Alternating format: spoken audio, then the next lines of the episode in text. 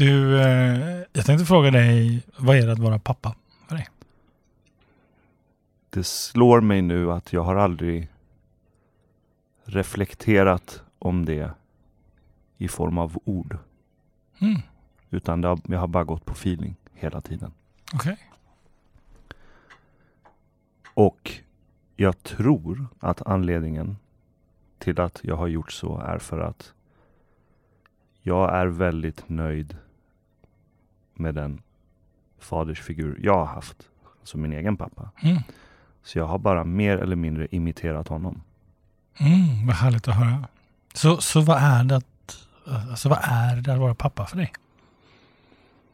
Det är att sakta men säkert eh, få ett barn att bli vuxen genom att se verkligheten för vad den är. Mm. Och inte en påhittad bild om vad verkligheten bör vara. Okej. Hur gör man det, tänker jag? Det vet jag inte. Jag har bara tre år på nacken. Mm. Och de, det första året är väl inte så mycket mer än biologisk maintenance. Tror du det? För fadersrollen, ja. Det tror jag. Mm. Det tror inte jag. Fa fadersrollen gör säkert massa saker. Eh, trygghet och närhet och värme och kärlek etc. Eh, men jag tror inte det är så mycket strategi involverat där. Mhm. Vad har strategi med pappaskap att göra? Strategi har med pappaskap att göra i form av att du kan inte bara pang på kasta verkligheten på ett barn. Det måste komma i portioner tror jag. Mm, Hur menar du nu? Det här var jätteintressant. Jag kan ju säga att jag vet ju inte vad jag menar än. Vi riffar ju bara nu. Ja. Eh, Så jag säger vad jag tror jag menar. Ja, Eh. Och sen får du jättegärna gräva i det Mm. och eh, totalt eh, köra över eller ifrågasätta etc. Men jag tror att vuxenhet har inte så mycket med ålder att göra. Det har inte så mycket med vilka diplom du har att göra. Det har väldigt lite att göra med vad du kan visa upp, utan det har mer att göra med hur mycket du har filtrerat bort av den här virtuella verkligheten Mm. som du får leverera till dig som barn. Mm. Och jag säger inte att den här virtuella verkligheten där allt är tryggt och allt är fint och allt är gulligt och saker och ting ska bara vara liksom mysigt. Mm. Eh, den behövs till en viss punkt. Mm. Sen måste man sakta men säkert ta den här lilla människan i handen och gå utanför grottan och visa att det finns björnar där och det finns det och det där. Och det finns massa vackra saker där också. Så hela paletten ska såklart introduceras sakta Mm. men säkert. Och där tror jag man bör tänka strategiskt så att det inte blir för mycket på en gång. Så att den här lilla människan blir förskräckt. Eller motsatsen, att det blir för långsamt. Av att man som förälder av rädsla inte vill att den här lilla människan ska råka illa ut. För det är ju, den råkar ju illa ut om den får vara i barnbubblan för länge också. Mm. Så jag brukar säga att, eller en del av det här är ju enligt mig att det jag vill skydda mitt barn mest ifrån är överbeskyddande vuxna. Mm. I alla fall i den kontext vi är i idag i Sverige. Så det du vill skydda din dotter från är överbeskyddande vuxna? Ja, Mm. Jag tänker så här, du, du, bland mycket annat. Ja, precis. Eh, hur, hur ser din, din pappas situation ut idag? Deltidspappa, Okej. Hur, hur, hur, gör ni, hur gör ni deltid? två dagar, två dagar ish. Mm. Hur funkar det? Det funkar bra. Det blir ju fler eh, av och hämtningstillfällen. Mm. Men eh, vi bor nära så det är inte, det är inte en stor praktisk issue. Mm. Och hur upplever, du har en dotter? Stämmer. Ja, hur, hur upplever din dotter det just nu? Jag vet inte mer än att hon har inte klagat på det. Mm. Och hon kan prata och uttrycka sig väldigt bra. Mm. Och hon kan klaga när saker inte är som hon vill att det ska vara. Mm. Men eh, jag tror att hon trivs. Mm. Eller jag ser ingen anledning att tro att hon inte gör det. Hur, hur, hur upplever du det? Att, att eh, ha två dagars pappaskap? Alltså deltidspappa. Menar du på ett praktiskt plan eller? Ja, hur du Mm. upplever det? Eh, ja, både praktiskt och också dig som en människa. Så nu har det ju varit så i ett år. Eh, och jag kommer inte ihåg hur det var innan. Liksom, hur det kändes innan. Mm. Så jag känner inte att jag har någon referenspunkt. Men Men- hur känns det nu? Idag? Det känns bra i det att eh, det inte går så lång tid där jag inte kan träffa henne. Eh, samtidigt tänker jag att så småningom kanske hon kommer börja känna att det blir för hoppigt fram och tillbaka.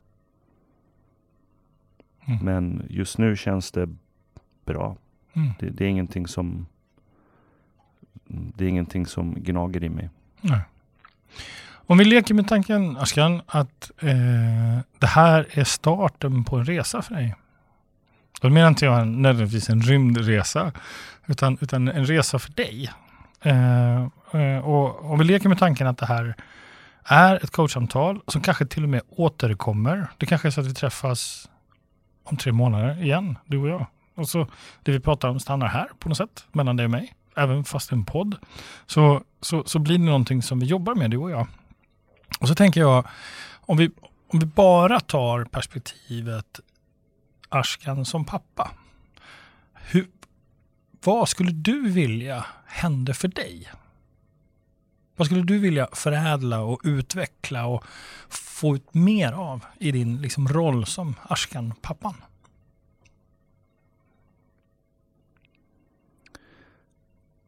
Jag har slutat tänka tankar som jag inte har kontroll över. Och jag skulle kunna sitta här och säga att jag vill X, Y, Z och så vidare. Men i slutändan är det bara tankar. Eh, och att jag skulle kunna agera på det på något sätt eh, är nog mer en illusion eh, än något som är praktiskt användbart. Så jag skulle kunna sitta och säga här och säga att jag vill växa som pappa. Eh, jag vill bli en bättre pappa. Eh, jag vill eh, ja, stoppa in vilket adjektiv du vill. Men eh, jag har svårt att se substans i det längre. Mm. Så vad du säger är att du, skulle, du vill inte ha några illusioner om framtiden. Det tror jag stämmer. Vad vill du uppnå med det? Det var en fin eh, blind fläck eh, du ser i det resonemanget där. För att, eh, att inte vilja ha illusioner är någonting som jag vill uppnå i framtiden. Det stämmer mycket bra. Jag vet inte vad jag vill uppnå med det. Mm. Någonstans så, så finns det en poäng i att bli medveten om hur man tänker och, och alltså tankarna skapar ju faktiskt någon form av idé om framtiden som inte har med verkligheten att göra. Det är vi båda två väl medvetna om, men det är ju trots allt en riktning. Och att då bestämma sig för, jag vill inte ha några illusioner om framtiden, det är ju fortfarande en riktning. Jag vill inte vara, nu, nu, nu använder jag stora ord här, men jag vill inte vara förljugen eller jag vill inte skapa, så jag vill inte skapa. Hur kommer det sig? Varför är det här så viktigt för dig? Men okej, om, om vi tar ordet riktning istället. Mm. Eh, Den tycker jag om mycket mer. För att då, det handlar inte om någon destination. Eh, utan det är bara en eh, kurs. Eh, så riktning kan jag orientera mig kring och reflektera kring på ett annorlunda sätt. Mm, jag kommer att gå tillbaka till inga illusioner, bara så du vet. Absolut, det får du hemskt gärna göra. Men riktning är jättebra. Mm. Riktningen så som jag ser det är att som pappa vill jag exponera den här lilla människan för så många vinklar av verkligheten som möjligt. Eh, så att den här lilla människan, eh, när den sakta men säkert slutar att vara en liten människa, ehm, hittar vem hon är och vad hon är duktig på och vad hon drivs av och triggas av. Mm. Och jag tror enda vägen dit är att exponera för så mycket som möjligt. Mm. Att hon får vara med så mycket som möjligt. Absolut. Mm. Eh, jag tänker på det här med inga illusioner då. Vad, eh, vad är din intention med att inte skapa några illusioner om framtiden? Min intention med att inte skapa illusioner om framtiden. Min intention med det är att sluta försöka kontrollera så mycket. För att jag har landat i att det är väldigt lite vi kontrollerar. Väldigt, väldigt lite. Va- vad menar du med det? Att det är väldigt lite vi kontrollerar? Mm, Ta bara exemplet så här. Eh, säg att du är 14 och så får du frågan så här, vad vill du bli när du blir stor? Och så börjar du måla upp en vision, du har förebilder, du börjar liksom, de här tankarna börjar frodas i dig och så börjar du bygga upp en framtida identitet om dig själv. Eh, om att det här ska jag bli. Eh, det är väldigt få som landar i den destinationen senare i livet. Majoriteten, anekdotiskt utifrån egen erfarenhet, majoriteten av människor eh, hamnar på ett ställe som skulle vara en total överraskning för dem. Om de hade gått tillbaks i tiden när de var 14. Mm. Om man hade teoretiskt berättat för dem, visste du att det är här du kommer hamna om 20 år? Mm. Så då tänker jag, varför ens gå den vägen? Där jag börjar bygga upp massa framtida identiteter. Vad tjänar det för syfte? Än att bara go with the flow. Det här är vad jag drivs av just nu. Och så jagar jag det Mm. och ser vart det leder någonstans. Mm. Och det kanske visar sig vara en återvändsgränd. Eh, och då får det vara så. Men jag skulle säga att du har inte slösat din tid bara för att du har hamnat i en återvändsgränd. Mm. Mm. Eh, Så en ambition med pappaskapet är att faktiskt värna om förmågan att go with the flow. Ja, det tycker jag. Och att hamna i många återvändsgränder. För att ens veta att du är i en återvändsgränd.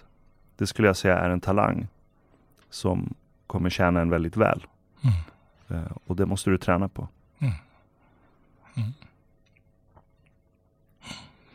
Jag tänker så här då. ehm, så vad hade du för idé om dig själv när du var 14? Och då skulle jag bli NBA-stjärna. Det var väldigt tufft att erkänna för mig själv att det kommer inte hända. Hur menar du då? NBA? Ja, alltså jag spelade basket ganska länge. Jag var inte en sopa. Eh, Jag var helt okej. Eh, Men när jag gjorde liksom den lösa beräkningen i huvudet. eh, Hur många från Sverige blir NBA-stjärnor? Eh, Varför är de Varför finns de inte? Eh, Det är massa olika faktorer som är utanför min kontroll. Det finns ingen basketkultur i det här landet. Speciellt inte då. Det finns inte infrastrukturen för det.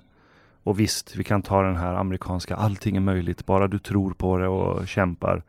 Eh, Det kanske fanns någon alternativ tidslinje eh, där jag på något sätt lyckas eh, komma över de här infrastrukturella barriärerna för att bli NBA-stjärna som 14-åring eh, baserad i Sverige. Eh, Men jag hade andra intressen också. Mm. Och då tänkte jag att det är större chans, sannolikheten att jag kan ta en annan väg och att det ska leda till någonting eh, mer intressant är högre. Okej. Så eh, när du var 14 så hade du en dröm om att bli NBA-stjärna? Så jag hade många drömmar samtidigt. Så jag Mm. spelade basket då. Samtidigt höll jag på att pilla på musikprogram eh, på dator och skapade musik. Så Mm. det var också en alternativ eh, tidslinje Mm. jag kunde hoppa på. Eh, ambitioner menar du? Eller idéer eller drömmar, illusioner om framtiden? Ja, precis. För jag, jag, visste ju att jag har väl någon förmåga att skapa musik. För jag satt och gjorde musik och så spelade jag upp det för kompisarna och de var, trodde inte på att jag hade gjort det själv. Och det är ett ganska bra kvitto. Mm. Så det var flera olika intressen. Mm. Eh, naturvetenskap var också ett intresse som jag hade samtidigt. Mm. Eh, Jag, jag bara hänga kvar vid din MBA-dröm här. Mm. Så, så när du är 14 och du, du har musiken och du har naturvetenskapen och du har många olika intressen. Så, men du hade en dröm om att bli MBA-stjärna. ja, men nu inser jag att det var inte min dröm. Okej, utan? Det var en dröm som var fin att ha i den kontexten jag var i. Okej. Och visst, hade jag kunnat trolla mig till att bli, om någon hade kommit och sagt, gör du det här, det här, det här så kommer du garanterat bli en NBA-stjärna. Då hade jag säkert gjort det. Mm. För det verkar vara ganska kul att vara en NBA-stjärna. Så i den kontexten du var i så, så, så fanns förväntningar på dig att du skulle lyckas liksom och, och, och bli en NBA-stjärna. Det fanns yttre förväntningar på dig. Ehm, Jag vet inte om de var yttre, men eh, självklart eh, var du duktig på basket så innebar det status i Mm. den kontexten. Okej. Eh, Och eh, i den åldern var det inte alltför ovanligt att vilja bli en stjärna på något sätt. Mm. Och som kille, sportstjärna. Eh, Mm. det- det- Jag tänker hålla fast dig här vid den här lilla tråden. Mm, Om det går bra. mm, Så du är 14 år. Du har någon idé om att bli NBA-stjärna. Eh, både inre status och yttre, från yttre återkoppling och så. Vad händer när du, den dagen du insåg att du inte skulle bli NBA-stjärna? Jag insåg att jag inte har talang Mm. för basket. Det betyder inte att man är jättedålig på basket eller vad det nu är. Eh, för mig är talang förmågan att skapa en feedback loop i ditt eget huvud utan att vara beroende av andra. Mm. Eh, så om jag kan utvärdera mig själv och ju tajtare den här feedback-loopen är, Mm. ju snabbare det går från en handling till att jag får feedback på om den här handlingen var bra eller dålig i den kontexten jag opererar. Yes. Eh, det är grundbulten för talang. Mm. Eh, och jag jämförde med när jag sitter och gör musik. Då var feedback-loopen extremt tajt. Jag kunde höra på en gång att det här är fel väg, det här är rätt väg. Den här ska Mm. låta så, den ska inte låta så. Så här bör det vara, så här bör det inte vara. Mm. Och då tänkte jag att det här, här har jag mer, här vet jag exakt vad jag behöver göra. Den rösten finns i mig som säger till mig hur jag bör agera för att gå framåt och bli bättre. Mm. Och då fick jag väl erkänna för mig själv att ja, det här är en återvändsgränd. Det, det, det är inte lönsamt. Det lönar sig inte att fortsätta på basketstjärna-tidslinjen. För att jag har inte talang. Mm. Så det blev ett väldigt enkelt beslut. Det var Mm. för, för att så här, låna från, eh, jag tror ju inte på fri vilja. Eh, men för att låna från eh, filosofen Slavoj Žižek. Eh, han har en ganska, han har en väldigt härlig definition av frihet. Eh, och det är inte att du står i en supermarket och kan välja mellan tio olika märken på cornflakes. Utan det är, eh, låt oss ta ett jättetöntigt exempel. Eh, att, ditt, eh, att ditt land blir invaderat av någon så här ond yttre makt. Och så har du eh, två val. Antingen så knäböjer du för den här nya invaderande makten. Eller så går du ihop med motståndsrörelsen istället. Och om du i den stunden vet att det finns inget annat val för dig än att gå ihop med motståndsrörelsen. Det finns inga andra val. Det finns ingen cell i din kropp som kan tänka sig någonting annat. Det är äkta frihet. Mm. Så i den ofriheten skapas den ultimata frihetskänslan. Mm. Och det var någonting likt det jag kände när jag satt och, och jag kommer ihåg den dagen för jag hade väldigt mycket ångest där jag skulle behöva ringa min coach eh, som jag hade haft väldigt många år och säga att så här, ja, jag vill inte göra det här mer. Mm. Eh, Det kändes ju som ett misslyckande. Nu i efterhand är det ju, skrattar jag åt det för det var Men just då var det ju halva min värld, Mm. basket, det sociala Mm. eh, som tillhör. Eh, Men den där känslan av frihet i ofriheten fanns där. Mm. Jag visste att det finns ingen annan bättre väg än det här. Mm. Och så får jag ta ångestsmällen för det.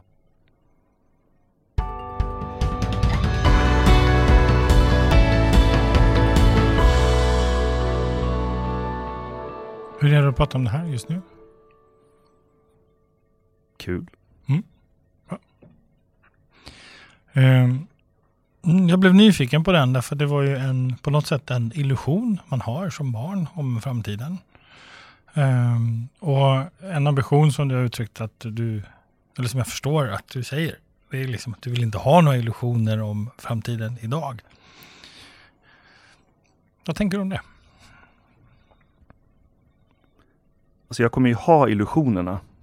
För hjärn, min hjärna och jag antar att de flestas hjärnor är illusionsgeneratorer. De sitter och pumpar ut illusioner. Det lovar jag. så, så jag kommer ju ha illusionerna. Så jag kanske formulerade mig eh, dåligt. Det är inte så att jag inte vill ha illusionerna, för jag tror inte jag kommer bli av med dem. Men jag vill inte tro på dem som sanning, Mm, bara för att de finns där. okej. Så vi kunna skilja på fantasi och verklighet? Ja, kanske. Någonting sånt. Ja, en medvetenhet om att det är inte Ja, medvetenheten. Ja, Mm. ja absolut. Mm.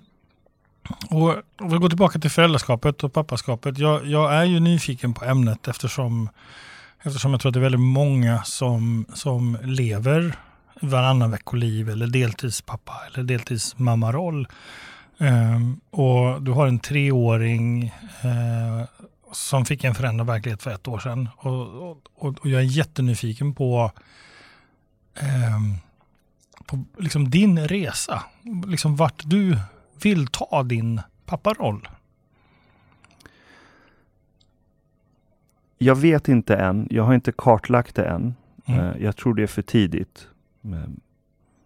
Men en sak jag vet att jag behöver, eller jag tror att jag vet att jag behöver, det är att hitta den där mekanismen som vi kallade för talang i till exempel musikskapande. Mm. Där du har en feedback loop som hela tiden ger dig någon sorts indikation på så här, går det här åt rätt riktning eller inte. Eh, och jag har lärt mig att den är såklart väldigt komplex när det handlar om att vara en vuxen förebild för en liten människa. Eh, visst, eh, vi kan säga att ja, men, eh, treårskontrollen är en bra indikation. Väger, väger den här människan rätt? Eh, växer den? Visst, de bitarna är en sak. Men eh, det är allt det andra som vi inte kan mäta. Mm.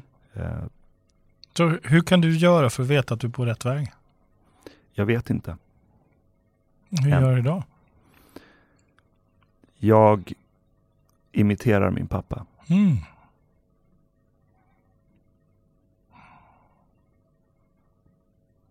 Och om jag ska beskriva det så är det alltid en känsla av trygghet och att jag har någonstans att vända mig oavsett vad som händer.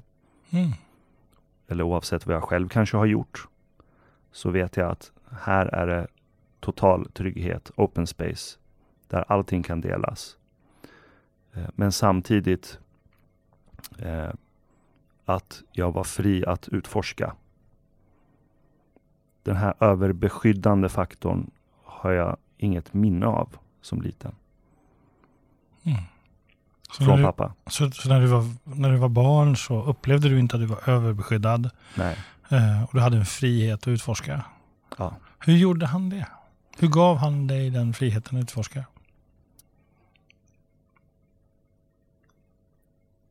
Han, hans mål var inte att jag inte ska göra illa mig. Eller att något dåligt inte ska få hända. Så länge det inte är en permanent skada som kan såklart Mm. eh, förstöra mitt liv. Mm. Men utöver det så var det okej, bra. Vad lärde du dig från det? Mm. Så hur gjorde han för att ge dig den här friheten? Jag fick aldrig någon, jag kände aldrig att de försökte överföra vad de inte fick i sin barndom. Eh, I, i termer av, materiellt jo, självklart. Eh, så var det väldigt tydligt att de ville att vi skulle ha en bättre materiell tillvaro än vad de själva hade haft. Eh, som barn i Iran för väldigt länge sedan. Mm. Eh, men jag har aldrig upplevt att varken mamma eller pappa har försökt överföra sina, låt oss kalla det karriärsmål eller Mm. personliga resor som de inte eh, kanske kunde göra, att de försöker överföra det på mig. Eh, så jag var väldigt fri att utforska oavsett vilket intresse jag plötsligt fick för mig att jag har. Så lät de mig prova på det. Mm. Det var allt från fotboll till hockey, till taekwondo, till basket, till musik eh, och massa annat som jag säkert glömt bort nu. Mm. Eh, det var aldrig någon kritik på varför vill du göra just det här? Det var Mm. inget ifrågasättande. Och så, okej, vill du göra det här? Då provar vi. Mm. Om det skulle vara så här, att du och jag jobbade med någonting som, som, du, som du faktiskt behöver jobba med i, i din roll som liksom pappa, som man, som människa. Ehm, och vi leker med tanken att vi jobbar med det. Mm. Ehm, och, och så har det hänt, det har gått lite tid. Så vi jobbar med det, så går det tid. Vad har blivit bättre för dig då? Vill du höra hela samtalet? Gå in på patreon.com Alexander Holmberg. Vill du gå i coachning hos Alexander? Så bokar du på alexanderholmberg.se. Den här podden är inspelad på och producerad av Knutfabriken. Vill du ha hjälp att spela in och producera podd? Gå in på knutfabriken.com.